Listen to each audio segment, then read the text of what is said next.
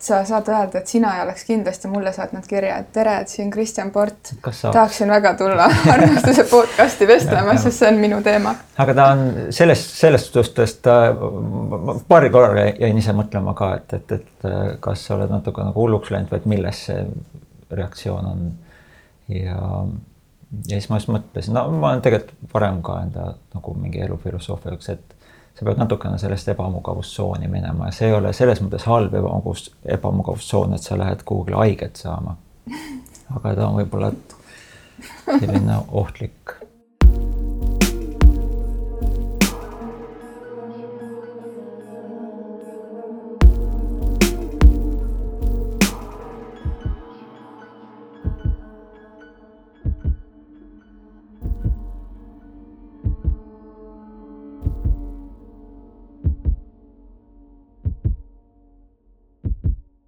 nagu sa juba aru oled saanud, siis on meil täna külas inimene, kelle nimi on Kristjan Port ja mina esimest korda mõtlesin või kuidagi julgesin mõelda selle peale, et mul meeldiks kunagi salvestada vestlust Kristjan Pordiga umbes kolm aastat tagasi.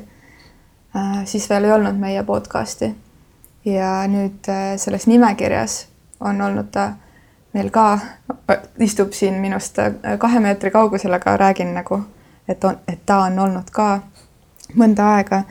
ja, ja nüüd me kohtume, nii et mul on tõesti väga hea meel, nagu ma ütlesin ka, et sa võtsid selle väljakutse vastu. Äh, sa ütlesid, et, äh, et see kohtumine, teadmata, milliseks see kujuneb, on mugavustsoonist väljaastumine, siis kui sa peaksid vastama, et mis see sinu mugavustsoon on, kus sul on mõnus liigelda siis mis see vastus oleks? no vast igal inimesel on selline keskkond, kus ta tunneb ennast turvaliselt, me teame, et meil on mugavustoit olemas. me kodus võime eksperimenteerida, välismaale lähed, ostad ikkagi seda mugavustoitu et, et ühest küljest, et midagi, mis on, millega sa oled harjunud, et, et mis on täis neid,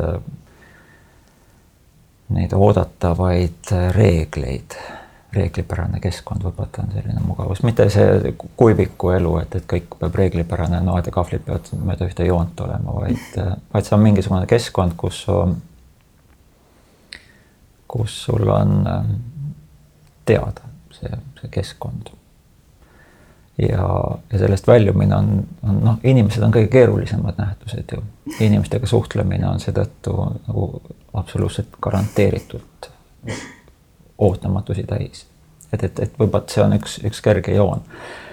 ja, ja, ja, ja, ja kuna ma ei ole sellist, sellise väga aldis suhtlema, et rohkem introverdi tüüpi, et, et siis võib-olla ka, et, et selline koorik on ümber ja lisaks siis see meesterahva olemuslik ma ei tea siis rutiin või raudrüü mm.. et, et need kõik moodustavad ühe sellise mitte konkreetse kihi, aga, aga vast sellise pilve, millest välja vaatamine isegi mõnikord on ebamugav. no mina, mina pean tunnistama, et ma ei ole mitte kunagi sind guugeldanud, ma olen lugenud artikleid ja kuulanud ja, ja ma tegelikult ei guugelda alati külalisi, kes tulevad. Äh, ja siis, kui ma nüüd guugeldasin sind ikkagi, siis äh, see sõna spordibioloog äh, ei ole väga selline sõna, mis mul kuidagi iga nädal sisse vupsaks minu kõnepruuki. et kui sina astud kuskile ruumi sisse, kas sa tutvustad ennast spordibioloogina? ei, mul on mitu korda ju küsitud, kui lähed kuhugile vestlema, eriti kui on äh, visuaalse keskkonnaga tegemist, et mis me subtiitritesse paneme, siis ma olen, ma arvan, üheksakümmend üheksa korda ütelnud, üheksakümmend üheksa protsenti juhtudest ütelnud, et kirjutage inimene lihtsalt et spordibioloogia on tegelikult selline sümbiootiline, mitmedimensionaalne väljakutse, et, et ära seletada, et see sport ei ole selline, et kui teised olid matjatunnis, siis sportlased olid trennis, et, et ta on ikka kultuuris niivõrd oluline nähtus ja kui bioloog üritab vastata, mis asi see elu on, siis äh, sport on sellest elust üks osa ja see ei ole sugugi ainult võistlemine, vaid kogu see liikumiskultuur, keha valitsemine ja nii edasi. et selles mõttes see spordibioloogia on meil rohkem nagu intellektuaalses ruumis enda määratlemine, mitte selleks, et kellelegi öelda, et näed, et siin on minu visiitkaart, peal on kirjutatud spordibioloogia, mina eeldan, et sa tead, kellega tegemist on. vastupidi, sa ei, me ei, või mina vähemalt ei eeldagi, et inimesed kohe tabavad ära, millega tegemist on, aga ta intrigeerib piisavalt palju. millal sa mäletad, et sa üldse kuidagi tundsid ennast, tundsid endas sellist tungi, et, et tahaks sellesse keha teemasse sügavamalt vaadata ma arvan, et see on, tuleb ikkagi kuskilt lapsepõlvest, aga see ei ole sugugi taoline mingi nohiku otsing, vaid ta on, vaikselt hakkab tekitama küsimusi, et mis värk on. ja siis ühel hetkel, no ju päriselt on ka niimoodi, et mida rohkem teada saad, seda rohkem tekib küsimusi, mitte et sa, sa muutud üha kindlamaks, vaid sa muutud üha ebakindlamaks ja ja, ja see on ka avanud näiteks kasvõi selles samas spordibioloogia mõtte, et et mida rohkem hakkad tähelepanu pöörama, siis sa näed, et, et inimene ei ole seletatav nagu mehhanism, et, et meil on kultuuriruumis päris palju seda, et me oskame ära seletada, kuidas masinad töötavad, järelikult me kasutame seda metafoori inimese peale, mida me ei oska ära seletada ja mida rohkem siis teada saad, seda rohkem hakkad nägema niisugust kompleksse kohaneva süsteemi tunnuseid. ja, ja seega ei saa öelda, et kus see punkt asub või kus see joon asub, millest alates hakkad nagu mõtestama, et mis asi see keha on. Aga ta kogu aeg äh, toidab, ta on nagu lõputult põnev valdkond ja ja tõesti, kuna ma ühe jalaga nagu tehnoloogia maailmas, siis sa siis näed ka, kuidas see tehnoloogia on tegelikult inimpürgimus mm. oma kas keha täiendada või, või, või kehast, kehale midagi juurde lisada, mis sealt on hakanud ka ära kaduma. mis iganes selleks eesmärgiks on, aga need eesmärgid on hästi-hästi kirjud ja seotud meie väärtustega. Ja nüüd sa siis näed, et tehnoloogiast endast tekivad ka osad väärtust, tehnoloogia vajab ka midagi. siis hakkab tekkima need huvitavad konfliktid inimese vajaduste, tehnoloogiliste vajaduste vahel. ja see kogu aeg toidab seda, seda, seda huvi ja noh, teisel täiesti teises, teises servas on puhas tervishoid, et et milleks meil seda tervist vaja on, et äh, mida me äh,, kuidas moraalselt suhtuda sellesse, et kas meil on õigus igavesti elada ja nii edasi, et, et, et terve hulk teemasid, nii et äh, et tõesti tulen kohe alguse juurde tagasi, et ei ole ühte sellist sammu, et astusin üle väe, üle läve ja siis järsku avanes tohutu suur maailm, vaid ta on ikkagi vaikselt kogu aeg äh, see labürint on nii, nii kaugel kui valgustad, nii palju seda näed, mitte rohkem. mina kuulan raadiot ainult siis, kui ma autoga sõidan. sest kodus olles mulle väga ei meeldi, kui mingi taust kuskil käib ja et, et kui ma kuulan, siis ma nagu kontsentreerun sellele, mida ma kuulan. ja, ja huvitaval kombel mu elus lihtsalt, et ma olen suutnud autosse istuda nendel hetkedel, kui portaal just hakkab Raadio kahest see on raadiotehniline saavutus, kuna nad paigutavad see drive time'ile teadussaateid, et see on manipulatsioon inimestega. Drive time nii et, et, et sa oled pannud mind elus väga tihti sellistesse olukordadesse, kus ma jään hiljaks koosolekutele, sest ma tahan mm. lõpuni kuulata. et aitäh selle eest. ja, ja üks asi, kuna ma ju. postid on terved, auto terve sul terve et et kuna ma ju ei tunne sind, siis äh, on jäänud selline mulje, et see mees on väga äh,, usub teaduspõhisust. ja nüüd, kui sa ütlesid, et, et, et see inimene on ju selline, ma ei tea, vorm või, või tegelane või kuidagi, keda ei hooma ära või et me oleme justkui nagu kogu aeg muutuses, siis kuidas need kaks, kaks justkui nagu olemuslikku äärmust sinus kokku saavad? ma usun, et, et sa vastandad kunstlikult teadust millelegi nagu sellisele ebamäärasele, et, et, et inimene üritab ju maailmast aru saada, ole sa religioosselt või ole sa väike laps lihtsalt, et mis värk on, et kas kuu on juustust tehtud ja et miks ma ei võiks elu lõpuni ainult kommi süüa ja nii edasi. Need on need küsimused, millele me tahame vastust saada. nüüd äh, osa küsimustega me liigume edasi, osa küsimustega liigume tagasi, osa küsimuste vastustega saame haiget, et ja siis, kui me vaatame, et, et mismoodi me oleme kõige tõhusamalt edasi liikunud, mitte et, et see oleks vigadest vaba, on lihtsalt see teaduslik metoodika või teaduslik lähenemine, et teadust iseloomustab enesekriitika, religioossust ja me enda arusaam, et meil on vaja ju maailmapilti selleks just see turva, turvatundeks. ja me oleme väga radikaalsed või vihased ja ärritume, ärritume kergesti, kui meie enda maailmapildis midagi öeldakse, et see on vale. sest mm. me kaotame turvalisuse tunnet. Aga teadus on selles mõttes, teeb nagu vabaks inimese, et ta ütlebki, et meil ei ole seda lõplikku teadmist olemas, mis ei tähenda nihilismi, et meil on mingit väärtust, millest me ei suuda nagu kokku leppida. aga meil on äh, alati õigus olla kriitiline nende seisukohtade suhtes, mis on nagu väidetakse, et on tõesed. kuna edasiliikumine, see oli vist Max Planck, kes kunagi ütles, et edasiliikumine sõltub ainult mittenõustumisest, sest kui kõik nõustuvad, siis tegelikult me stagneerume ja me teame, et maailm ei ole stabiilne. ja, ja, ja selles vaates jah, et, et, et see teaduslikkus ei oleks mitte valges kitlis selline nohik asotsiaal ühes jalas king ja teises jalas tuhvel või midagi muud taolist, et, et ei pööra millelegi muule tähelepanu. vaid vastupidi, et selles teaduses on hästi suur kirjusus, ka, ka seisukohtade kirjusus. Ja nende ületamine sisaldab palju emotsionaalsust ja teadlased on tihtipeale erakordselt kõrge egotasemega ka. aga ta on lõppkokkuvõttes ikkagi väga konstruktiivne või ka noh, heas mõttes inimkonda teenindav käitumis keskkond.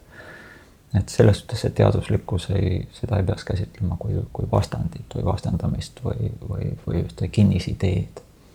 Religioossusega me liikusime kunagi, inimkond liikus päris palju edasi, üritades aru saada, et mis värk on, et miks naaberkülas kõik on hästi, aga meie külas kõik on halvasti, järelikult Jumal on või keegi, mingi jõud on, järelikult viime siis puu alla kingitusi mõne aja pärast saadi aru, et ei, ei, et, et üks küla asub oru ühel küljel, kus päike paistab, teine asub lihtsalt oru teisel küljel.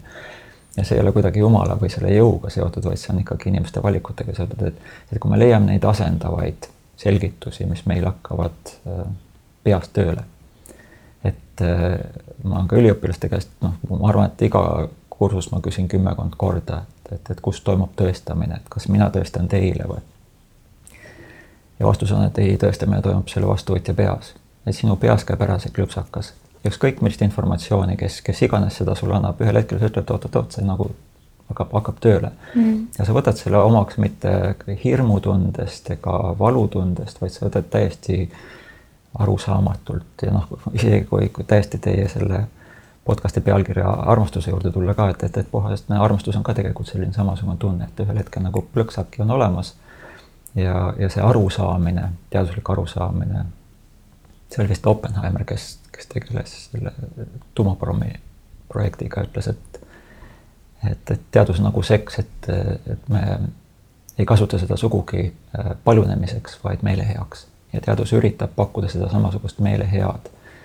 ja aeg-ajalt me siis pettume, et, et see seisukoht on vale olnud ja meil on endal suur võitlus, et, et kas meie enda maailmapildist me saame sellest äh, nagu endale usutavast asjast lahti öelda.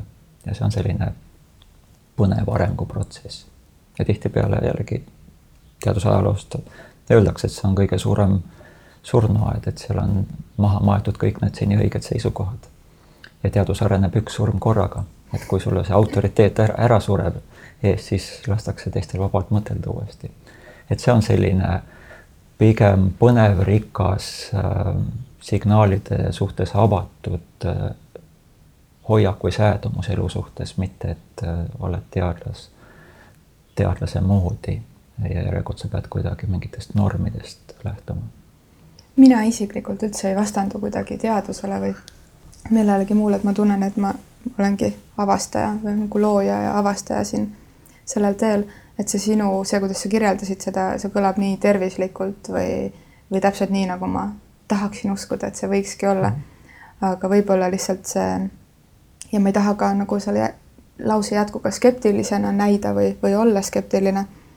Et, et lihtsalt elu on näidanud, et on väga palju inimesi, kes vajavad kasvõi selleks uskumiseks, et see diivan on väga halb näide, sest on niisugune hallikas valge mhm. träpsuline, aga et see sein on hall et, et, et tal on vaja teaduslikku tõestust sellest, et ei piisa, et näiteks keegi vanaema maalisõbranna Mari tuli ja ütles, et see on hall, on ju, et see on lihtsalt see, et ah, mis Mari ju pole kooliski käinud ja mingi lehmaga seal laudas istunud kümme aastat, on ju, et tema ütleb, et see on hall, et on ta jee, on ju. aga nüüd tuli nagu onu, ükskõik, kas siis nagu ühes jalas suss ja teises king või, või ka mitte väga nohiklik ja muidu intelligentne ja kuna ta on teadlane ja ütleb, et see sein on hall, et siis nüüd saab sellega panna nagu avalikku lehte. et võib-olla see oli kuidagi väga jabur näide, mis lihtsalt niimoodi sisse voolas, aga et, et ma lihtsalt ise ei tunne, et ma oleksin see padu, kes hakkab siis noogutama, kui teadlased on kinnitanud, vaid et ma nagu ikkagi usaldan mingit oma kogemust, samas ei suru seda teistele peale. et äh, miks sa arvad, et miks, miks see kuidagi, et, et inim, inimkond, et see, see padu, see on võib-olla natuke nagu miinusmärgiga, aga aga need inimesed, kes tahavad, et keegi nende eest ära otsustaks, et nad ise ei võta vastutust arvata või, või kosta, et, et vajatakse seda, see on teaduslikult põhjendatud. tahad teaduslikku seisukohta? palun, väga. aga okei okay,, üks, üks lähtenurk on see, et meil on aju ju. et aju on, mis ta on, natuke üle kilogrammi tarbib umbes veerandi hapnikust, mis me sisse hingame, selle ühe kilogrammi kohta tohutu palju rohkem kui kõik ülejäänud keha, kehakoed ja ka enam-vähem iga neljanda-viienda glükoosimolekuli. et on väga kallis pidada. ja, ja, ja üks kaitse ja kuna energiast on meil alati, ressursist on alati puudus, me saame seda väljastpoolt toiduna, toiduna, siis äh, kõik, mis energiat kulutab, tekitab meil sellise kaitsetunde ja üks tunne on ebamugavustunne. ja kui su peas on näiteks küsimus seda on täiesti ka tänasel päeval juba demonstreeritud, et see niikuinii sul küsimusele vastust ei ole, siis energiakulu peas on natuke suurem, see on ebamugavustunne. ja proovi õhtul, kui laps küsib sult neid miks küsimusi, sa lähed õige pea närvi, see on see selline, selline koht, kus see, see tunnetus on võib-olla, on kõrgenenud ja, ja paljude inimeste jaoks küsimustega tegelemine ongi tohutu väsitav. Nad ei ole harjunud ega treenitud ega kohanenud ka mõtlema, et see on vast selline mõttelaiskuse näide. et ega me ei, ei viitsi ju ka telekapulti ise üles tõsta, vanasti mindi ja keerati telekast nuppu selleks, et kanalit vahetada. tänasel päeval isegi öeldakse, et kuule, et anna mulle telekapult, et ma isegi ei viitsi selle meetri kaugusele kummardada, et, et ma hoian kogu aeg energiat kokku ja nüüd, kui me pakume teenuseid, mis aitavad energiat kokku hoida, olgu see teleka näide äh, või siis ka valmis mõtted, et, äh, et siis inimesed mõtlevadki vähem. sest et see on optimaalsem seisund, mitte mõtelda energia kokkuhoiu seisukohast. aga nad on rohkem manipuleeritavad ja nad on õnnetumad, kuna nad teavad, et mäletan, keegi võrdles aju Ferrari'ga, millal sa tohid kasutada ainult esimest käiku, see on jube ebamugav tunne, kui sul on niisugune äge auto ja sa kasutad ainult esimest käiku, et et, et sellest, et sellest ajust, mis on vast maailma või universumis teadaolevalt kõige komplekssem, keerulisem nähtus üldse. et see ja, ja see elu, mida meile on antud, on niivõrd unikaalne, see, et, et meiega siin kolmekesi elus olema on tohutu ebatõenäoline sündmus ja siis meil on see kõige megamasi kasutada ja siis me seda ei kasuta. tundub natuke nagu nukker. aga jah, et see seletus on, siis näed, nüüd ma läksin nagu kahte, kahte plaani, et üks on puhtteaduslikult, et et meil on tunded, mis kaitsevad meid energiakulu eest, et me ei taha väga palju mõtelda ja teine on puhtast see teine osa jutust nagu väärtustest inimolemisest arusaamine, et, et kui kui unikaalsed ja rariteetsed me tegelikult oleme ja miks me seda, miks me seda aju ei kasutaks ja, ja paljude inimeste jaoks ja nagu ma ennem ütlesin ka, et et, et kui meil on olemas maailmapilt just selle jaoks, et me kujutame ette seda maailma järgmiste sammude jaoks turvalisena, et, et ei ole kogu aeg kuristik. ja teadmatus, siis sellest maailmapildist mingi jupikese äravõtmine on meile väga ebamugav ja tekitab ohutunde, ärevustunde igal juhul ja valmis mõtetest kinnihoidmine lihtsalt kaitseb meid selle eest.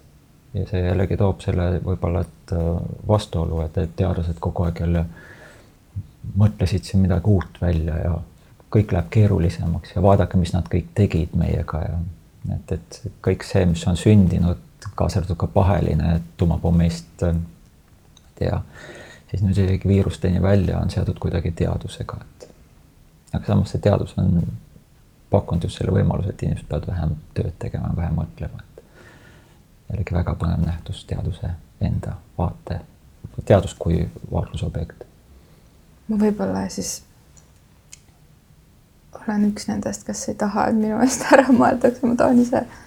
no niimoodi, ma, ma usun, et kõikide inimeste käest, kui küsida, et kas sa tahad, et teised mõtlevad sinu eest, on sellest no way, et ka kõige mõttelaisem inimene ütleb, et ei, ei, et see on minu õigus, ma tahan vaba inimene olla ja otsustada. Ja jällegi eksperimendid näitavad, et äh, kui sa lähed poodi kasvõi moosi valima, siis sa võiksid, sul on kahe poe vahel valida ühes poes on vabalt kuus moosi, teisel on kakskümmend neli moosi, sul, sinu käest küsitakse, et kumba poodi sa läheksid, kumba sa eelistaksid oma kodu lähedal. absoluutne enamus ütleb, et, et ma tahaks seda, kus on suurem valikuvabadus mm.. aga kui sa kassast vaatad, siis müüakse vähem moosi seal, kus on suurem valikuvabadus. lihtsalt inimesed ei osta sealt niivõrd palju, see, see, see valik ise tekitab ängi ja nad ütlevad, et ei, ma ei tahagi moosi, et ma lähen suhkruosakonda.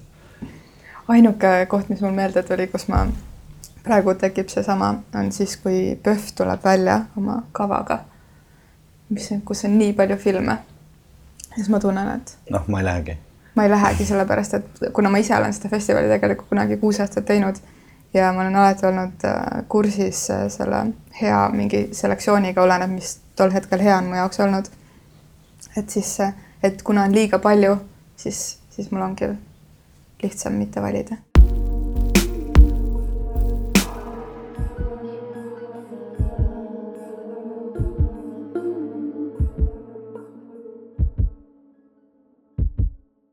Mida mina lihtsalt vaatan, mis praegu toimub, on see, et tihti inimesed usuvad ka ju teadust, mis otseselt ei ole teadus või nad tahavad nagu uskuda seda, mida nad tahavad uskuda. et seda sõna teaduse all on võimalik tänapäeval inimestele ju väga palju asju nii-öelda maha müüa, mis ei pruugigi üldse tõde olla ja inimest võib olla väga raske kuidagi ümber programmeerida, kui ta nendele midagi pähe võtab, ma mõtlen, kas on üleüldse võimalik äh, ühel teadlasel, kes teab, et see, mida see inimene usub, on vale, teda nagu ümber programmeerida või kui inimene on jäänud ikkagi mingit asja uskuma, siis ta tahab seda uskuda ja ta ei tahagi midagi muud kuulda. ja see on, see on üks, üks põnev väljakutse üldisemalt, et et see ühest küljest näitab et kui me kasutame teaduslikku argumentatsiooni, me näeme, poes on šampooni peale kirjutatud laboratorii Garnier mm, -hmm. see oleks võinud midagi muud sinna kirjutada, aga see laboratoorium seal ees on see, mis tekitab nagu see on parem šampoon. Et seal on mingit teaduslikkust taga, siis, siis müüakse terve hulka sellist, sellist täiesti butafooriat müüakse nagu näilise teaduslikkuse, kasutatakse sõnu, vihjeid ja, ja märgisüsteemi, et, et et, et ka, ka para paranähtuste esindajad suuresti üritavad apelleerida sellele, et, et ei, et tegemist on ikkagi puhtalt teaduslikkusega, sest et tundub, et inimkond on ikka nii kaugele arenenud, et, et see, see teadust võetakse usaldusväärsuse ühe garantiina. aga teadus ise on ju enesekriitiline, tõesti teadus demonstreerib, et meil on terve hulk valesid seisukohti ja kui teadus üritab siis kedagi teist kritiseerida, just seda para, parateadust, mis on dogmaatiline ja mis ei taha krit-, kriitikat või talukriitikat, siis nad ütlevad, et, et, et teadlased ei ole ka midagi muud kui ainult usklikud. et usk sõnana on niivõrd amorfne, et, et sa võid selle kohe liita religioossusega, et, et ei ole tegelikult muud kui usute ainult millessegi. aga usk ei ole, religioossus on lihtsalt üks, üks Äh, seda usu tähendust täpsustav nähtus, et teaduslik usk on, on see, et, et sul on tõendeid, mis sinu jaoks on piisavad ja sinu sees käib ära see tunne, et, et need asjad on, on niimoodi. Ja sa oled avatud samal ajal ka sellele, et tõendite lisandudes või uute konfliktsete tõendite puhul sa oled valmis ümber vaatama oma seisukohti. nüüd äh, meil on olemas siis inimesed, kes on dogmaatilised ja nende puhul jällegi, et teadus huvitub ka sellest, et kuidas, et unustame korra selle sõna teadus ära. meid inimestena huvitab see, et miks inimesed meist aru ei saa, miks nad ei usu seda, mida meie usume. Teadus on üks meetodite kogum, kuidas me üritame sellest aru saada, lihtsalt mitte, et teadlased jälle vaatasid, küll nad kuivikud tulevad ja üritavad kõike ära seletada. puhtalt inimestena me üritame aru saada, miks teised inimesed meist aru ei saa.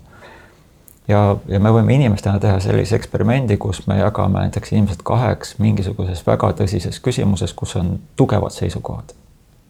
et ma tean, et on tehtud sellist eksperimenti, kus küsitakse inimeste suhtumist surmanuhtlusesse, see polariseerib, väga vähesed inimesed on, ah, mul on, ei oska öelda ühte ega teist. nii kui natuke mõtlema hakkad, sul tekib seisukoht, et, et surmanuhtlus on kurjast või surmanuhtlus on õigustatud, eriti kui, kui keegi on kedagi ise tapnud. ja kui siis lepitakse kokku, et, et okei okay,, et meil on kaks polaarset seltskonda, et äh, esitage siis vastastikku oma kõige paremad argumendid, oma, oma seisukohad, mille pärast sul on õigus ja võiks arvata ju in, inimesena, et, et osa, osa vastasleeri omasid ütlevad siis tõesti, tõesti, et need on huvitavad argumendid, et ma pole varem selle peale mõtelnud, et ma tulen, muudan oma seisukohta. aga tuleb välja, et enamus juhtudel sellise eksperimendi puhul öeldakse, et, et see distants hoopis süveneb, et need kaks osapoolt kaugenevad ja ütlevad, et no me ju teadsime, vaadake nüüd, kui nõmedaid esi-, argumente te tegelikult esitate et kuna sa oled kinnisideest, siis teise poole argumentatsioon sinuni üldse ei jõuagi. ja noh, noh, need näiteid on, et, et seltskonnas ei tasu rääkida palgast, poliitikast ega usust. et need, nende puhul on inimestel väga selged seisukohad ja kõik need teised seisukohad on valed ja siis rikutakse kogu see seltskonna meeleolu ära. aga nii nagu ma ennem ütlesin ka, et, et, et me ise ju elus tunneme teatud asju kogu aeg ära. me läheme poodi, ostame mingeid asju, me ei analüüsi seda, aga meie sees käib klõpsabki tunne ära, et okei okay,, seda ma nüüd tahan. ja selle jaoks ei ole vägivalda vaja, vaid, vaid meie sees käib lihtsalt see tunne ära, et kui me informatsiooni eh, vabamalt vastu võtame, või oleme avatumad ja ka kriitilisemad eh, iseenda varasemate seisukohtade suhtes, siis see, see, see muutus on, on kergemini toimiv. ja teadus tõesti on ka inimese treenimise väljakutse, et, et, et seda kriitilist mõtlemist peab ka harjutama ja treenima et muidu me olemegi kõik ainult kinnisideedega ja kõigil on ainult, ainult minul on õigus ja kõik ülejäänud on eksinud. ja me lõpuks oleme niisuguses nihilistlikus maailmas, kus, kus nagu ühiseid väärtuseid ei olegi. et, et me saame jagada avatult informatsiooni ja võib-olla argumentatsiooni maailmas on ju see, et, et mõlemal osapoolel on kohustused. et kui mina sulle midagi väidan, siis minul on kohustus öelda, miks mina niimoodi usun ja kui sina ütled, et ei, ei, sina seda ei usu, siis sinul tekib kohustus öelda, mikspärast sina seda ei usu. ja minul tekib uuesti kohustus üritada siis rahuldada. ja kui ma ei suuda rahuldada sinu poolseid neid argumente osi või neid vastuväiteid, siis jääb sulle õigus ja ma pean ütlema, et tõesti, tõesti. mul on jalad lühikesed, ma ei saa siin mitte midagi teha, et, et ma olen nõus ümber vaatama, ilmselt olen eksinud. ja väga lihtne küsimus on, kas sina tahaksid elada valede teadmistega ja vastus on, et ei. mina tahaksin elada õigete teadmistega, need on paremad.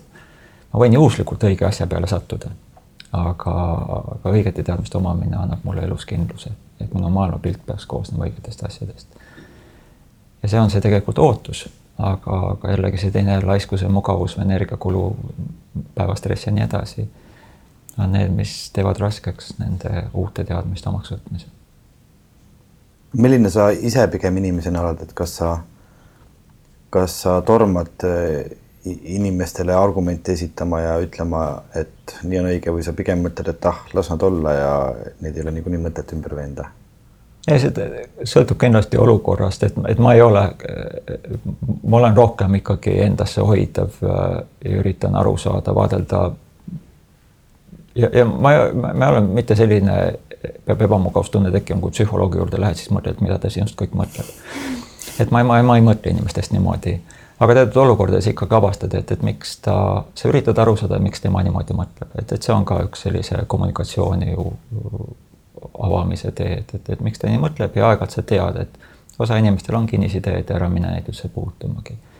aga teinekord on selline mõnus seltskond, kus äh, julged nagu intrigeerida või, või, või on otstarbekas isegi selle seltskonna enda huvides mingit teemat käsitleda. aga ma ei ole, piltlikult öeldes lapsepõlvest tuleb meelde see Lenin, kes läheb soomusauto peale, räägib, mis on õige, mis on vale.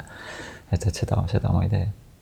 tahtsin ka liikuda sarnases suunas, et, et see kehatark Kristjan sinus ja siis äh, see äh, teadusliku poole, ei teagi, mis see sõna on, austaja, teaduslik pool sinus.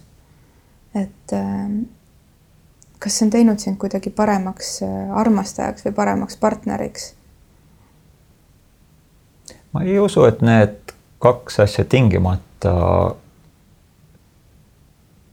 ütleme, inimsuhted ja, ja oma maailmavaadet, et need kuidagi või siis ka maailmavaate konstrueerimise meetod, et, et see, see teaduslikkus äh, on võib-olla ikkagi see ots, otsimise viis ja, ja mingite põhimõtete oma olemasolu. et need tingimata üldse kulgeksid nagu samas tasapinnas, aga võib öelda, et äh, et sa saad inimesena olla parem, kui sa maailmast paremini aru saad. ja ja sa ei pea olema mitte see aktiivne osapool selles mõttes, et aa, ma tean küll, mida teine osapool teeb, järelikult ma hakkan niimoodi käituma või midagi taolist tegema, et ma olen nagu teadlane, kes eksperimenteerib selle, selle suhte teise osapoolega. et ma usun, et siin on palju rohkem seda, et, et kui sa ise oled midagi väärt või kasulik, et siis see suhe on ju bilateraalne või suhted võivad olla ka, ka paljude osapooltega pere puhul. et et sa ei pea ise olema mitte see aktiivne, ma ei taha nüüd halvustavalt öelda manipulaator või maailmast arusaaja ja kujundaja. aga sa saad olla väärtuslikum, kui sa teed rohkem enda heast tahtest õigeid otsuseid. meil on saates alati selline küsimus, et äh, mis on sinu esimene mälestus armastusega? ma arvan, et see mälestus on äh, pimestatud ühe hilisema arusaamaga, kui öeldi, et või ma lugesin õigemini, et armastada saab vorstivõileiba, armastada saab kodumaad, armastada saab ema ja armastada saab, ma ei tea, seda armastuse partneri suhet, armastada võid koera või kassi, oma eriala ja, ja autot. ja siis tekib see küsimus, et sa küsid, mis on see esimene ja seetõttu see kadus, kadus kuhugile ära aga ma arvan, et sa pead seda romantilise armastuse hetke, et, et arvatavasti see on kuskil koolis, kui, kui äh, ma isegi ei mäleta, mis klass see võib olla, kui järsku hakkavad tunded mängima rolli. ja, ja seni oled äh, käinud natuke nagu kraavis, et kõik on suhteliselt deterministlik ja teatud kohtades on käänukohad ja ja siis vaikselt hakkad nägema sellest kraavist väljapoole ja kõik läheb palju keerulisemaks. et ei ole ainult äh, mina ja sõbrad, vaid on meie ja tüdrukud ja, ja, ja mingisugune taoline äh, keerukus hakkab tekkima, mis hetkel tekib selline romantiline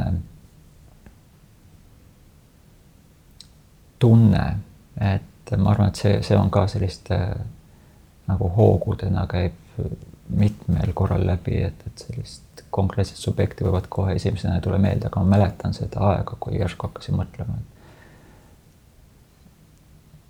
et, et kui natuke nagu lähed endast välja, küsid, et mis värk nüüd on. et, et neid hetki ma mäletan, kus ma olen täitsa lapsepõlvest küsinud ja ma olen mõtelnud ka hiljem ka, et, et järsku see on üks, üks sellise, igal inimesel on mingi iseloom või loomus. et see endast korraks väljaminek, et seda ma mäletan suhteliselt varasest lapsepõlvest, et küsin iseenda kohta, et, et mis nüüd siis toimub. aga et, et, et otsides seda konkreetset sündmust, et näed, loodetavasti ma suutsin seletada, mispärast seda on raske kirjeldada. aga et jälle sellel, sellesama taustaga, et, et kuna see inim, inimkeha ja, ja teadusliku poole pealt vaatlemine, siis kui palju sa oled üldse kuidagi vaadanud selle armastuse teema sisse või, või armumise biokeemiasse või, või kas sul on äh, kuidagi jagada omapoolset mingisugust taipamist või, või tähelepanekuid selles osas? ja, ja ma olen kindlasti seda uurinud, meil kõikidel inimestel on ju, unustame selle teaduslikkuse korraks ära, me inimestena üritame maailmast aru saada ja armastus või see see armastuse spekter, et alates asjadest, kui asi ära kaob või katki läheb, et, et siis järsku sul on tugevad emotsionaalsed tunded. et, et, et, et see on vaieldamatult üks asi, mida me rohkemal või vähemal määral mõtestame iseenda jaoks ja kui, kui, kui, kui, kui ma olen sattunud siis sellisesse valdkonda, kus äh, neid äh, lahenduse ideid äh, on natuke rohkem, eriti mis biokeemiat puudutab. et, äh, et siis võib tõesti vaadata, et et, äh, et armastus on üks programm, äh, lihtsalt evolutsiooniline programm, mis on vajalik äh, selle liigi jätkamiseks ja ta ei ole midagi nagu väga romantilist, vaid ta on puhtalt nagu keemiliselt juhitud programm. ja, ja teisest küljest mind on huvitanud ka see filosoofiline konstrukt, et, et filosoofia minu jaoks on tõesti nagu sellist suurte loogikate paika loksumine, et juhul, kui sa filosoofiliselt ei tööta, siis ei tasu neid väikseid detaile ka väga otsida. ja filosoofias on ka seda armastust on üritatud käsitleda tõesti noh, seal Aristotelese aegadest vähemalt alates suhteliselt kaugele ulatab, nii palju kui kirja on midagi pandud. ja, ja ka sealt leitakse täiesti sellist peaaegu et mehaanilisi selgitusi siis ka selles armastuses sellise erosest kuni sõbra või sellise äratundmise sideme ja, ja filiani välja, et, et, et on üritatud ka kategoriseerida, et mi, mis hetkel armastus midagi tähendab. ja need hilisema aja filosoofilised püüdlused armastust jagada on ka seal umbes neli, neli-viis koolkonda. Need kõik on vaieldamatult huvitavad olnud ja ma neid, neid tõesti üritanud lugeda. ja ühest küljest ka jällegi oma maailmapildis või see, see kogemusspekter, millega kokku puutud, et, et see õige ja vale eristaja, mis on moraalselt õige, mis on moraalselt vale. et need, ma olen elus kahjuks kogenud ka neid olukordi, kus äh, inimesed on armastuse tulemusel enesetapu sooritanud ja, ja see, see paneb mõtlema, et, et, et, et elu on ometi midagi taolist, mida peaks kaitsma ja sa armastuse nimel siis oled su valmis sellest elust lahkuma. et, et kus siis, kus siis see jõud tuleb, kus siis see seletus tuleb, et ja minu jaoks on liiga passiivne min-, minna ütelda, et armastus on midagi universaalset ja see on kõik mu elu mõte ja noh, siis ta jääb selliseks nagu pudeli peale kirjutatud sildiks Äh, ja seega ma olen üritanud tõesti aru saada, et, äh, et sellises suuremas pildis, et kuhu ta paigutub, kuidas seda üritatakse seletada. aga selle vastuse lõppvastus on see, et ma ju ei tea täpsemalt, et ma oskan tõesti natukene enda jaoks raami panna. ja ma olen avatud selles suhtes, et kui keegi ütleb, et ei, ei, sa saad valesti aru. kas see, ma ei tea nõrgestab sind või, või annab lootuse? ei, ta ei nõrgesta, ta on just see osa, et, et ma, ega see ei ole vaakum, et kui ma ütlen, et ma ei tea, ma, ma, ma ei tea seetõttu, et äh, ma mäletan Oxfordi ülikoolis, ülikooli kaupluses müüakse T-särki, mille peale on kirjutatud, et mida rohkem ma õpin, seda rohkem ma tean, mida rohkem ma tean, seda rohkem unustan, et milleks ma siis õpin, kui ma kõik ära unustan, et et enam-vähem sama loogika on ka siin, et, et kui sa saad rohkem teada, siis sa mitte ei muutu enesekindlamaks, vaid sa muutud ebakindlamaks, kuna sa varasemaid teadmisi oled pidanud ju korrigeerima, et et selles suhtes see, see, et ma ei tea, ei tähenda seda, et, et mul ei ole homme mingit seisukohti. aga ma ei saa öelda, et nende seisukohad ammendaksid seda nähtusena.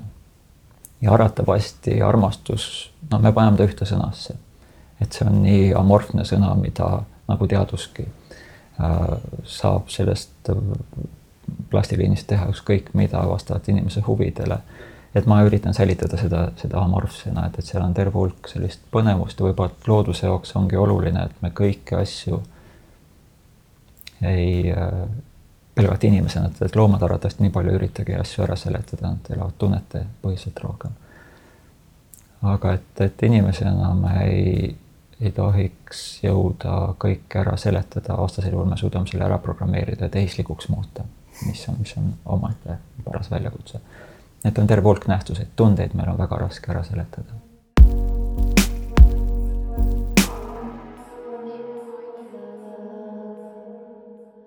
praegu see, kuidagi nagu ei viitsi seda sõna eriolukord ja koroona panna nendesse lausetesse, aga, aga siis nüüd kelle, kelle jaoks kestab, kelle jaoks mitte, on ju. et eriolukorrast johtuvalt äh, ma märganud sellist asja, et tutvuskonnas päris paljud inimesed on lahku läinud ja päris paljud inimesed on äh, kihlunud või siis äh, varases staadiumis lapseootel, mis on siis justkui mingis mõttes mingid äärmused. Mm, et ei ole olnud lihtsalt, et neid lihtsalt töllerdajaid, et oleme, vaatame, noh, et neid on äh, justkui protsentuaalselt vähem või no nii näib. miks sa arvad, miks see nii on? ja, ja mida need äärmuslikud olukorrad, mis siis praegu on olnud eriolukord, mis nad meiega teevad, kas nad kuidagi lükkavad kas nad kuidagi tõstavad meie tundeid üles, lükkavad midagi alla, miks me sellistes inimestena sellistes olukordades käitume äärmuslikumalt kui lihtsalt, kui lihtsalt muidu? ma ei tea, kas see on äärmuslikumalt käitumine, see on vast vastavalt olukorrale me käitume lihtsalt inimestena. täiesti kindel on ju see, et et, mitte kõik suhted ei alga mitte sellest sügavast armastusest, vaid ta on tegelikult sellisest võib-olla et üksilduse hirmust ja kokkusobimise vajadusest ehk luuakse endale konstruktsioone, et, et nüüd ma olen nagu midagi leidnud ja tegelikult see päriselu osutub teistsuguseks ja, ja nii palju, kui seda armastuse tunnet on ju ka uuritud, et inimesed, ka poeedid on ütelnud, et et lihtsalt muutud paremaks, sa tahadki olla selle, kui sa oled armunud, siis sa oled, käitud paremini ja, ja, ja talud teise vigu, enam mitte vigadena, vaid unikaalsete omadustena. Ja ühe aja jooksul lihtsalt see eufooriline, ekstaatiline faas lihtsalt ammendub ja, ja siis tuntakse, et see ei ole olnud see. ja ma arvan, et äh, see ei ole mitte koroonakriis, vaid lihtsalt inimeste töö, elurežiimi muutus on andnud võimaluse, on sundinud rohkem koos olema ja ära tundma, et, et käid veelgi rohkem närvidele. kõik need väiksed vead, mis olid idea, idealiseeritud, on tegelikult hoopis vead. Ja, ja teiste puhul äh, leitakse seda, et jällegi mäletan teoorias on, et üks seletus armastusest on sellise äh, meie tunde tekkimine täitsa mitte ei ole mina ja tema, vaid me, mõlema osapoole jaoks on siis tekib täiesti selline reaalselt kolmas osapool, mida meieks nimetatakse. mõlemad on selle osad, aga neid, seda saab eraldi käsitleda ja selles on siis, selles on hoolivust ja, ja ka sõltuvust ja ka muret ja, ja see võib võimenduda just selles kriisi kontekstis, et, et meid kõiki ähvardab jälle mitte see niivõrd palju viirus, aga näiteks töötus, majandus, ebamäärasus tulevikus. ja see siis osasuhteid hoopis võimendab. ehk inimene on, on ju mõjutatav, me oleme plastiliselt kohanemisvõimelised ja üks kohanemine on see, et, et loobutakse suhtest ja teine kohanemine on see, et, et luuakse uus suhe mu äh, üks, äh, üks sõbranna küsis mu käest paar päeva tagasi, et me oleme siis umbes sama vanad, mina olen hetkel kolmkümmend viis. küsis, et, et Elina, et, et kas siis ongi nii, et et kui me oleme nüüd umbes kümme aastat koos olnud, et kõik, kes meil siin tutvusringkonnas on umbes sellises pikkuses koos olnud, et et kas siis ongi nii, et see miski et see kirg ja see kõik kaob ära või see tuleb tagasi, et millal on õige aeg äh, aru saada, et, et aitäh, et me oleme õppinud üksteiselt selle, mis oli vaja, aeg edasi liikuda või et, et äh, lubame, lubame ka nendel madalseisudel olla ja, ja vaatame, kas me tõuseme siit äh, uue, uue leegiga või mitte. kas sa tunned, et, et see kirg, mida kaua koos olnud paarid äh, kas on kaotanud või kardavad kaotada, kui palju see on seotud äh, füüsilise aktiivsusega, et lihtsalt sportlase keha, ma ise märkan ka ennast, et, et kui ma vajun oma, oma distsipliinist välja, mis on kehalise aktiivsusega seotud, siis ka minu nii-öelda potents langeb või, või, või siis see ma ei tea, kui palju sind kõnetab, et kundaliini energia, mis on nagu loovenergia ja seksuaalenergia, ehk et see ei tähenda, et me ei räägi ainult seksuaalsusest, aga seda, et et ma tahan luua, ära teha, saavutada, midagi käima tõmmata. kui palju see seotud on ja kas, kas sa usud, et mitu justkui küsimust siin sees, aga, aga et, et see kehaline aktiivsus ja kirg suhtes pikaajalise suhte jooksul, et kas see kaobki ära või see saab uuesti tõusta ja kui palju see on meie enda teha? jah, siin on tõesti mitu küsimust.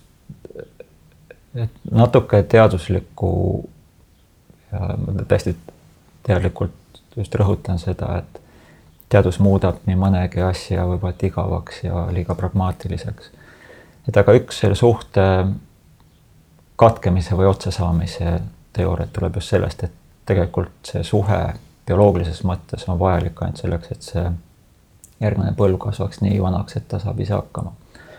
ja puhtbioloogiliselt on vajalik, et neid geene tuleks hakata uuesti rekombineerima, et, et, et see, see seksuaalne vajadus või see meelehea, mis, mis, mis kaasneb seksuaalsusega see ju ei kao kuhugi, see on üheksakümne aastastel inimestel ka, sõltumata oled mees või naisterahvas. Äh, siin nüüd see suutlikkus loomulikult sõltub sellest ainevahetuslikust staatusest, et kui hea on sinu, ütleme, see ressurss kehas, et, et see kõik on ju aktiivne elu ehitamisega seotud äh, osa. Ja vanematel inimestel hakkab lihtsalt puhtalt keha struktuurne osa vähenema, osaliselt kultuuri tõttu, kuna öeldakse, et nii vana ära liiguta, et, et, et see liikumine keha koosneb elusatest rakkudest, iga elusrakk on ainult elus nii kaua, kuni öeldakse, et sind on vaja ja kui ei kasutata, siis lihtsalt see raamatupidaja, kes meie sees on, ütleb, et eh, use it or lose it. ja seega see struktuurne häving, mis eh, vanadusega kaasneb, on suuresti kultuuriline. Ja nüüd hakatakse viimasel ajal üha rohkem aru saama, näiteks lihasmassi omamine meestel-naistel on, on ääretult oluline, kuna seal on neid aminohappeid ja kõike muud, mis sellel hetkel, kui me ei söö, siis me saame tegelikult lihasmassist terve hulga keha jaoks vajalikke aineid ja mida rohkem lihast kasutad, seda rohkem energiakulu tekib, seda rohkem sööd ka, et tegelikult sa hoiad tegelikult sellist keha ainevahetust äh, aktiivsemana, mis ei tähenda, et äh, lõpp ei saabu, lõpp saabub puht äh, statistilise paratamatusena, et, et need vigade hulk hakkab kuhjuma, see on terve hulk bioloogilisi võib-olla põhjuseid ja suremuse temaatika tõesti see, mis Veiko ennem ka küsis, et et kas tõesti on see moraalne dilemma, et, et kui kaua tohiks elada. Aga see, see te temaatika on, on, on selline meie taustal kogu aeg olemas, et ja see on seotud selle sinu küsimusega, et, et kui inimene elaks kahesaja aastaseni, kas ta tõesti tahab elada selles samas peresuhtes või? ma olen absoluutselt kindel, et mitte. ta lihtsalt, see hakkab nii pinda käima. ja aga mitut suhet ta peaks siis looma, kui ta kahesaja aastaseks elab ja kui palju tal energiat ja, ja, ja mismoodi ta peaks oma elu ümber mõtestama, et, et see, et, et kui meil tekib esimene suhe, et sellest ei pea isegi pere tekkima, aga et, et elu muutub ju tohutu palju, me mõtestame ümber väärtuseid ja siis, kui see suhe lahku läheb, siis totaalne järgmine suur muutus, et kõik, millest ma aru sain, oli vale ja, ja nüüd tekivad uued arusaamad ja ja, ja siis tekib tõesti küsimus, et, et sellest, kui, kui kaua, kui kaua on vaja seda perevärki, ma tõesti nagu natuke külmalt ütlen seda, et kaua on seda perevärki vaja hoida. aga teisest küljest ma olen inimsuhte vajadus on igavene, et, et see on see oluline teine kiht. ja me teame, et on inimsuhted, kus lapsi ei olegi ja need püsivad vägagi kaua, erinevalt sellest, kus on lapsed ja siin on terve hulk traagilisi uuringuid, traagiliste tagajärgede uuringuid, mis näitavad, et inimeste õnnelikkuse taju langeb, langeb, langeb, langeb, hakkab seal kahekümnendatest langema ehk pere loomise ajal kõige madalama kuskil viiekümnendate juures ja, ja siis hakkab uuesti tõusma. ja kui vaadatakse, et millega see kokku langeb, see on laste lahkumine kodust. Nii irooniline. noh, ongi, et, et teadus äh, paraku ei ole süüdi selles, et see nii on, vaid et me ütleme, et need teadus toob need külmad faktid esile, aga need faktid tulevad ikkagi inimeste enda elust need on tõesti huvitavad uuringud, võid äh, Daniel Gil Gilbert, äh, kes on Stumbling on Happiness raamatu kirjutanud ja siin on need vist kuus või seitse rahvusvahelist uuringut õnnelikkuse tajust erinevates riikides, erinevatel suurtel populatsioonidel, kõik peaaegu et samasugune U-tähekujuline graafik tekib. aga jah, et, et, et selle tule uuesti laitmine, võib-olla ta on seotud bioloogiaga, just seetõttu, et, et ühel hetkel see suhe muutub rutiinsemaks. ja armastuse teooriates on ka, et, et see üks teooria puudutab, et armastuses on komplekssed emotsioonid ja emotsioonid kogu aeg teisenduvad ja nendes emotsioonides on see viha, nördimust, ängistust ja ka seda eufoorilist armastust. ja ühel hetkel ta muutub nagu sõltuvuseks ja harjumuseks. siis avastatakse, et oot-oot-oot, aga kus siis, kus siis need ülejäänud paar osa sellest praest olid see, kus see õigesti doseeritud pipar ja soor olid. ja, ja avastatakse, et see tuleb kuskilt mujalt. Ja ma arvan, et see ei ole mitte moraalselt äh, paheline nägemus, vaid mul on tunne, et seal taustal on bioloogiline ratsionaalsus looduse enda poolt mõeldud. ja loomariigis me ei ei heida seda sugugi ette. aga inimesena me ei taha loomadega ennast võrrelda. see sinu vaatenurk äh, ikkagi paneb, äh, paneb mõtlema. ära ütle, et see on minu vaatenurk, see on minu kirjeldatud vaatenurk sinu, vabandust, sinu kirjeldatud vaatenurk, armas. et, ähm, et, äh, et see paneb ikkagi mõtlema, kui paljud inimesed päriselt tahavad koos olla, kes koos on olnud nii kaua? ma olen kohanud näiteks Soomes ühte pere, kus on no, nagu minu jaoks nagu kogu aeg tuleb see pere meelde ja seal on siis kaks lahku läinud neljakümnendates aastates inimesed, lapsed on mõlemal seal kummalgi vist kaks last. Nad elavad nüüd uuesti koos, mina olin neil külas äh, mõned aastad tagasi. ja see kõik oli super tore. ja siis võiks öelda, et aga milline nende varasem elu oli, kas see oli siis kuidagi super halb? ei, vastupidi, arvatavasti kui ma oleksin sinna sattunud, see oleks ka super tore olnud. Aga me ei saa käsitleda seda, et, et see üks vahetus ja selle tagajärg, see on nagu midagi totaalselt valet. vaid see toredus võib jätkuda hoopis teist, teistmoodi, nii et seda on võimalik teha. ometi meile taotakse seda vähe või noh, võib-olla tänapäeval vähem, aga ikkagi seda, et et sa pead nagu suutma, et sa oled kuidagi fail inud kui sa ei suuda elu lõpuni olla sellesama inimesega koos ja samas suhtes. See ei tähenda ju, et, et see oleks vale, me näeme neid tohutu pikaajalisi suhteid, mis on tõesti kadestamisväärsed, aga mille pärast me ütleme, et kadestamisväärsed, aga sellepärast, et kõik ülejäänud suhted ebaõnnestuvad.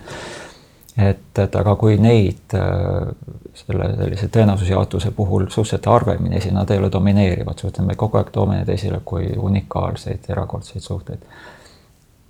et, et, et see on inimese arusaam, mida ta kirjutab sellisesse teesi, ütleb, et nii peabki olema ja selleks teesiks on religioossus lihtsalt, mis, mis on rohkem nagu masside kontrollimehhanism, mitte ei ole siis maailmavaateline nägemus. jah, et kuidagi justkui lahutusel on, on ikkagi pandud see miinusmärk ette. just kui sõitsin Õnnepaleest mööda autoga paar päeva tagasi Äh, mul õnnestus elada kaks aastat seal kõrval ühikas, mis maha lammutati kunagi mm. -hmm. Ja meie aknad olid täpselt Õnnepalee äh, siis selle äh, esise platsi poole, Õnnepalee poole. ja ma kogu aeg mõtlesin, vaatasin neid tohutuid pulmaronge nagu tramm käis läbi sealt on ju ühed sisse, teised välja, ühed sisse, teised välja. mõtlesin, et ma ei taha mitte kunagi seal abielluda, kui ma peaks abielluma.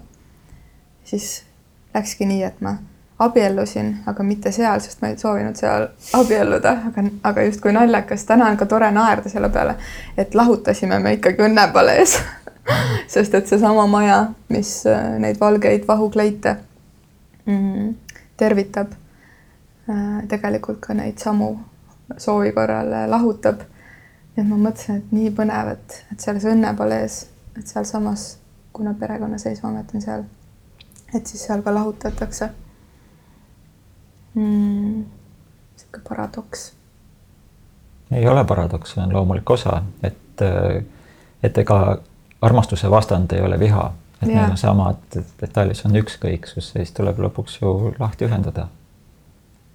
kuskil on see register, see on ükskõiksuse register võiks olla selle ameti nimi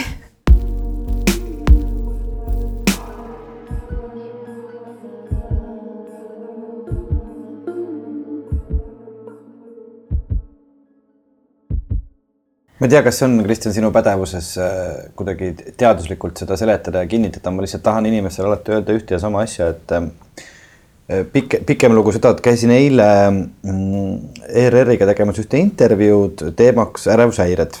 Ja noh, kuna mu enda kogemus kümne aasta tagusest ajast, ma olin inimene, kes äh, ei saanud spordist aru ööd ega mütsi ja üldse selline kehaline aktiivne liikumine oli minu jaoks äh, kõige suurem saavutus oli see, kui ma suutsin kegaõpetajale males pähe teha. ja lihtsalt ma ei teadnud seda et. ma hüppan korra vahele, aga vaata, kehkaõpetaja mängis malet. ja, et äh, ma ei teadnud seda, et tegelikult äh, võib üks jooksmine või jalutamine mind teha õnnelikuks. Ja ma ikka nüüd inimestele üritan seda öelda, kes on, no ma ei taha nii traagiliseks minna, et nagu nendele, kes tahavad armastuse pärast enesetappu teha, et mine jooksma aga kas see on midagi, mida võib inimestele öelda, et mine jooksma ja miks see nii on? On küll, et see liikumise mõju kehale on väga süsteemne ja ta ei ole sugugi sõna sport, kohe läheb nagu mm -hmm. fookus valesse kohta, et, et see liikumine on olnud evolutsiooniliselt ikkagi see, et, et sa oled kas toitu hankinud või, või päästnud ennast toiduks jäämise eest, et sa oled pidanud liikuma, mitte, mitte selle hedonismi või meelehea pärast aga see evolutsioon on kaasa pannud hüvitise, et, et kui sa oled liikunud ja sa oled ellu jäänud, siis ta ütleb, et seda ebamugavust tasub sul uuesti teha, kuna see tasub ära. ja, ja nüüd me näeme, et, et, et sinna peale on inimene ehitanud siis mängu, aga mäng ei ole ainult inimese poolt, vaid mäng esineb ka loomadel. et mängul on terve hulk kasvatuslikku ja arendavat ja treenivat kesknärvisüsteemi koordinatsiooni, väiksed loomad, isegi sipelgad mängivad, et et, et see on millegi kordamine piisavalt palju kordi sotsiaalsete suhete, reeglite, noh, sotsiaalses suhetes on palju reegleid, kehaliste oskuste ja kõik sellega seotud vaimse, vaimsete ütleme, talitluste koordineerimine, et see, selleks on mäng väga vajalik. ja, ja nüüd me oleme siis näe, ära tundnud, et, et või inimesena, et oot-oot, aga et me saame mängu natukene välja puht, puhastada sellest metsikumast keskkonnast, et lisame mängule natukene reegleid lisame võib-olla, et auhinna jaoks seda võimendame seda auhinda ja siis vupsaki, see tundubki väga loomulik ja meeldiv, meeldiv tegevus. Aga tõesti puhas see kehaline aktiivsus ise on niivõrd süsteemse toimega, et, et ma tean, siin Norra ja Austraalia depressiooni uurijad demonstreerinud, seal on üle vist kolmekümne tuhande vaadlusandme. et võttes farmakoloogilist ravi ehk, ehk ravimitega depressiooni ravida või siis erinevate terapeutiliste sekkumistega, tegevusteraapia ja nii edasi. siis nendega võrreldes äh, liikumisaktiivsus ja juhitud liikumine on suurema efektiivsusega kui need isegi kombineeritult. ja tõesti, kui hakata mõtlema, et mida siis see keha kasutamine meie vaimsusele teeb, ühest küljest ta kui me hakkame liikuma, me muutume tundlikumaks keskkonna suhtes paratamatult, me peame äh, märkama keskkonda rohkem, teiseks äh, keha peab tasakaalus olema, tegelikult aju hakkab palju rohkem tööle, et mõtle korvpallil, korvpallirõngas on kolm, kolm kolm meetrit viis sentimeetrit, ta on mingi nelikümmend sentimeetrit, nelikümmend seitse sentimeetrit vist dia-, diameeter. pall on sellest võib-olla umbes kuuskümmend protsenti pindalalt ja sa oled kolme meetri kauguselt, arvuta välja, kuidas see pall sinna korjurõngasse jõuab aga keha kasutades meil see läheb lupsti. ja isegi siis, kui keegi tegutseb vastu me oleme jooksu peal, nii et keha kasutab teid liikumiseks eh, kesknärvisüsteemi palju rohkem kui filosofeerides või matemaatilisi ülesandeid lahendades. ja, ja siis tuleb see preemia, mida sa ütledki, et, et on hea tunne et, et pärast äh, kehalist aktiivsust meil on, kas me tajume rohkem või vähem, kas me mõtestame seda või ei mõtesta, aga, aga me tuleme selle liikumise juurde arvatavasti tagasi. ja kultuuriloost, ma jällegi ei räägi ainult teadusest, aga kultuuriloost on ju tohutu palju neid äh, geniaalsusi muusikast, luulest, kirjandusest, kunstist, mis on piltlikult öeldes selle salvrätiku serva peale kirjutatud, kuna midagi muud ei olnud käepärast. mõte tuli kõndides rahulikult liikudes hakkab järsku tekkima neid häid ideid. ja nüüd on seda ka teadusena välja destilleerinud, selle signaali ja on hakatud isegi koosolekuid ju pidama, et, et koosolekud peetakse liikumise pealt, seal on vähem inimesi, küpsiseid süüakse vähem ja mõtted on kiiremad ja, ja, ja tulemuslikum on kogu see tegevus. et, et see liikumises on kehale palju rohkem kui see, et me nimetame seda spordiks, see on tõesti kultuuri äh, fenomen. kui palju, ähm, kuna sa aktiivselt sellel alal äh, liikled igapäevaselt, kui palju meditatsioon või meelerahu on sisse tulnud kuidagi sportlaste argipäeva ja kas see on, kas seda on loomulik vastu võtta kehal, mis justkui näiliselt pannakse mm, staatilisse asendisse versus see, et spordis me kogu aeg liigutame seda?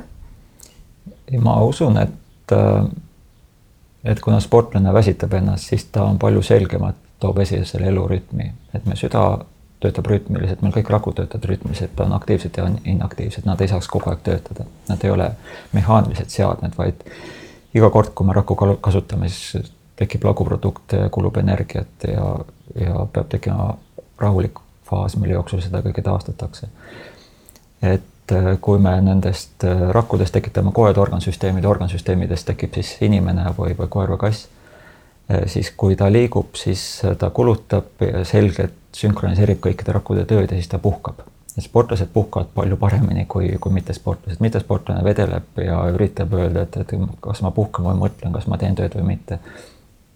ja, ja seega see, see, see liikumist, jällegi võtame selle, seda sportselt ära, mis on seotud liikumine eesmärgistatud ja võistlemisega et äh, liikumisega endaga tuleb välja, et inimesed avastavad, et mul on uni parem, mul on mõttetöö parem, mul on lihtsalt kuidagi mingid hetked selles päevas muutuvad selgemaks ja, ja klaarimaks.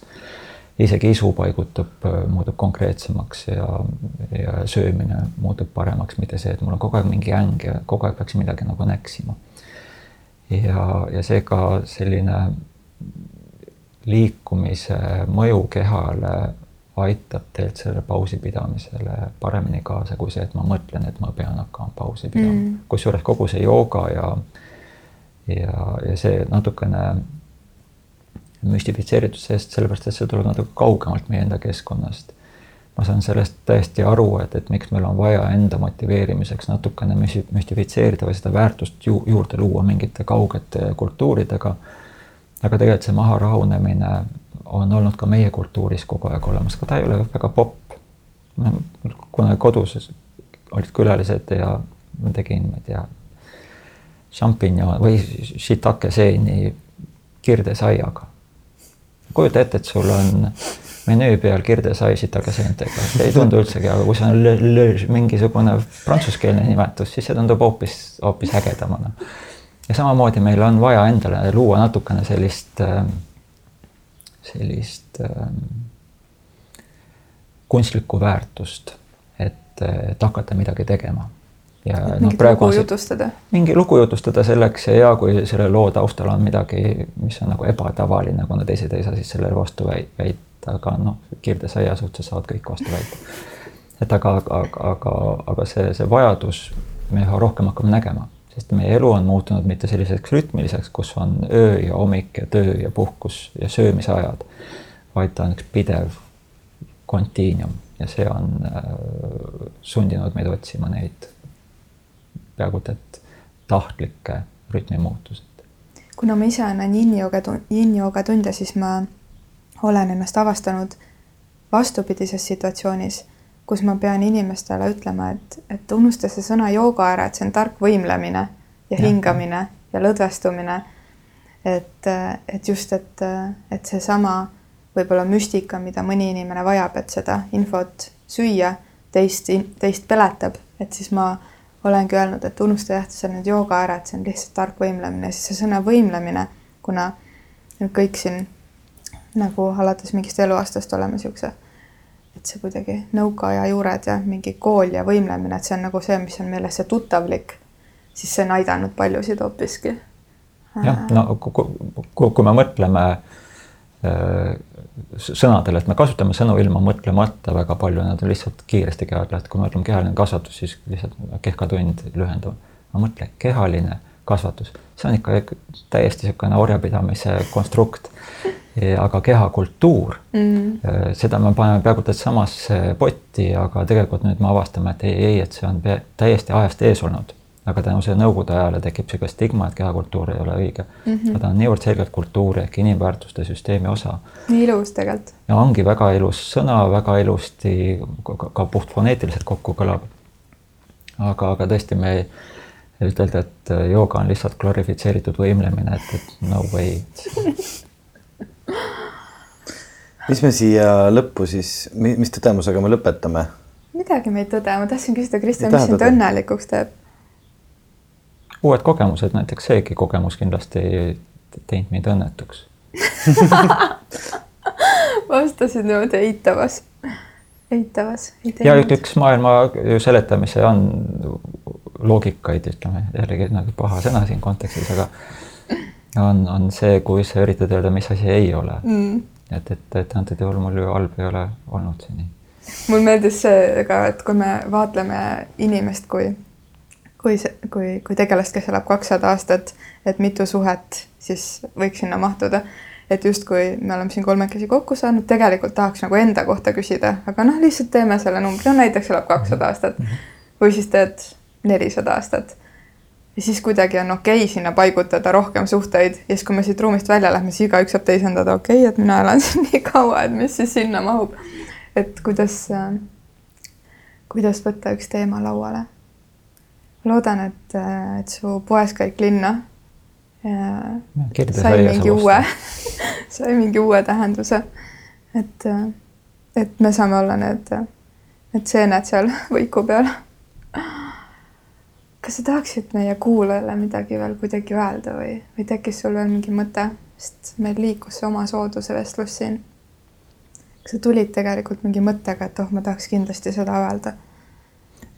ma ei tulnud valmis mõttega just sellepärast, et, et ma otsin seda natuke nagu seiklust, et, et lähed väljapoole oma mugavustsooni, ma tean, et sind nagu ära ei tapeta otseselt. Armastuse teema on ohtlik äh, teema alati, aga seda intrigeerivam. aga, aga nüüd, kui sa küsid niimoodi, siis loomulikult ma ei, vakka ei jää, et, et, et olge avatud, et äh, olge otsiva meelega. Ja, ja see enesekriitika ei ole mitte äh, mitte mõeldud enese halvustamiseks, vaid äh, mida rohkem sa paned prooviruumi mõtteid, seda põnevamaks tegelikult see olukord muutub. nii et pidage vastu olema sõbrad edasi. aitäh, Kristjan. aitäh, et sa tulid tõesti ja, ja kõigi teistega. kohtume jälle, võib-olla sinuga ka kuskil, kus me üldse ei oska aimatagi, kus see võiks juhtuda. head aega. head aega